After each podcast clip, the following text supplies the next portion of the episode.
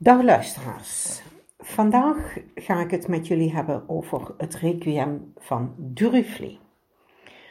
Het requiem van de Franse componist en organist Maurice Duruflé heeft iets hemels. Wellicht komt dat door het gebruik van middeleeuwse Gregoriaanse gezangen, waar Duruflé deze compositie op baseerde. Maar hoewel het werk vredig en rustig overkomt, is het bij muzici berucht vanwege zijn moeilijkheidsgraad. Vooral de organist heeft een hele kluif aan het spelen van de vele snelle noten die het zwevende koor begeleiden. Aanvankelijk kreeg Duruflé in 1941 van het Vichy-regime de opdracht om een requiem te schrijven. Wat is dat nu, dat Vichy-regime? Vichy-Frankrijk is de gebruikelijke benaming voor Frankrijk onder het autoritair bewind van maarschalk van Frankrijk Philippe Pétain tijdens de Tweede Wereldoorlog. Frankrijk heette toen officieel État Français en de regering zetelde in Vichy. In die tijd collaboreerde het regime steeds sterker met Duitsland. De Tweede Wereldoorlog eindigde echter voordat Duruflé de compositie kon afmaken. De componist schreef echter stug door en voltooide het werk ter nagedachtenis aan zijn overleden vader. En als we Duruflé mogen geloven, is deze beslist naar een betere plek vertrokken. Een andere componist die onze aandacht verdient wat betreft het requiem is Dvorak. Antonin Dvorak componeerde zijn requiem niet naar aanleiding van een persoonlijk verlies. Integendeel, de componist schreef het werk in opdracht van de Birmingham Triennial Music Festival, destijds een van de beroemdste klassieke muziekfestivals. Dat het componeren van zijn requiem voor Dvorak in zakelijke opdracht betrof, maakt het werk niet minder intens. Dit requiem is zelfs een van de meest duistere in zijn soort. Zo eindigt Dvorak zeer pessimistisch door in het slotdeel, het Agnus Dei, thematisch terug te verwijzen naar het klagende begin. Het koor, de solisten en het grote symfonieorkest met slagwerk zorgen dat deze zwaarmoedigheid nog intenser overkomt.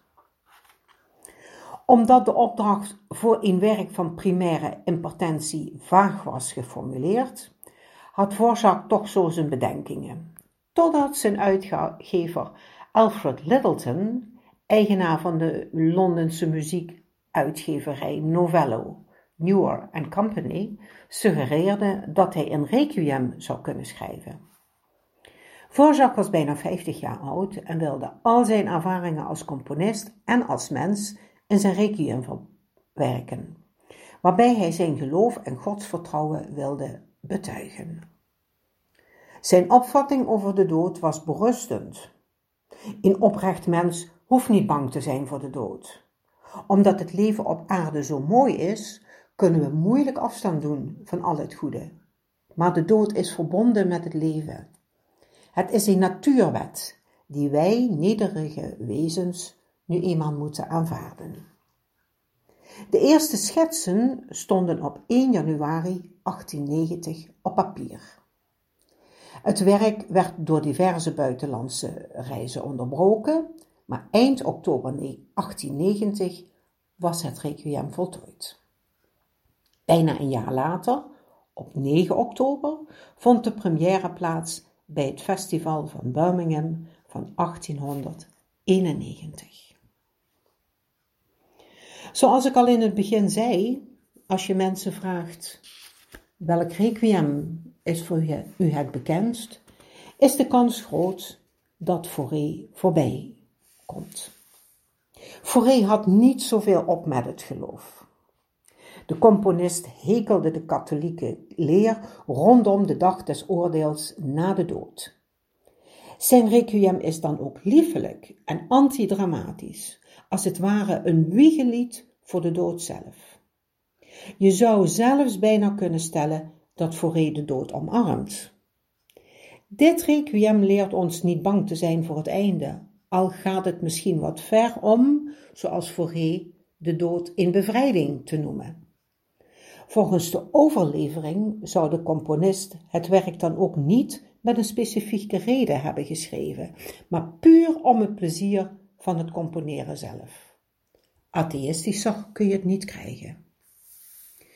De reden waarom Fauré het werk heeft gecomponeerd is niet bekend.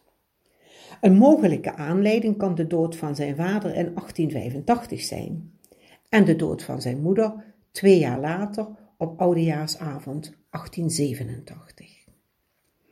Desalniettemin was Fauré al met het werk begonnen toen zijn moeder overleed. Fauré zei later over de reden tot componeren: Ik heb het nergens voor gecomponeerd. Gewoon voor het plezier, als u me dat toelaat te zeggen. Het eerst geschreven deel is het Libérame, dat al eerder als een losstaand werk werd gecomponeerd in 1877. In het daarop volgende jaar componeerde hij de eerste versie van het Requiem, welke hij een Petit Requiem noemde. De eerste versie bestond uit vijf delen, maar bevatte nog niet het Libérame. De eerste versie werd op 16 januari 1888 in La Madeleine te Parijs uitgevoerd.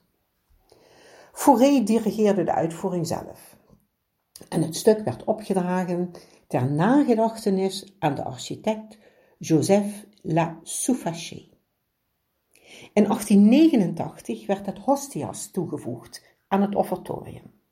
Een jaar later werd het offertorium verder uitgebreid en werd het Libérame aan het Requiem toegevoegd. Deze tweede versie voor kamerorkest ging op 21 januari 1893 in première, ook in de Madeleine in Parijs, met Fauré zelf als dirigent. Tussen 1899 en 1900 werd het requiem bewerkt voor een compleet orkest. Het is niet duidelijk of deze bewerking door Fauré zelf is gemaakt of door zijn leerling Jean-Roger Ducasse, die de redactie verzorgde van de koorpartijen.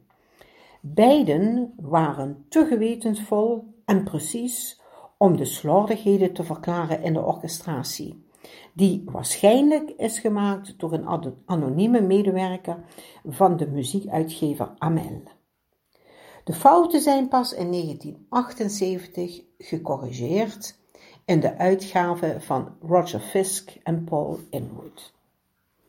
Deze derde versie ging ter gelegenheid van de wereldtentoonstelling op 12 juli 1900 in Parijs in première in het Palais du Trocadero, waarbij Paul Tafanel dirigeerde. Nog in hetzelfde jaar, op 28 oktober, werd het werk in deze versie in Brussel uitgevoerd door Eugène Isaïe, waarna vele Europese steden snel volgden. Nadia Boulanger, die vanaf de jaren 20 gold als Fauré's opvolger en erfgename, heeft het vele malen gedirigeerd. Op 8 oktober 1924 werd het requiem op Fauré's eigen staatsbegrafenis ten gehore gebracht in de Madeleine in Parijs. Het bereikte de Verenigde Staten pas in 1931 en het Verenigd Koninkrijk in 1936, wederom onder leiding van Nadia Boulanger. De uitgave van 1900 voor groot koor en orkest was de meest bekende versie van het requiem. Totdat omstreeks 1980 Fauré's originele manuscript voor kamerorkest werd ontdekt door John Rutter in de Bibliothèque Nationale de France in Parijs.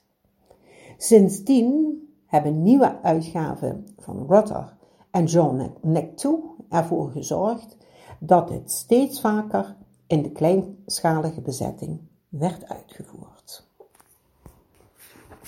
In de volgende sessie ga ik verder met onder andere Jenkins.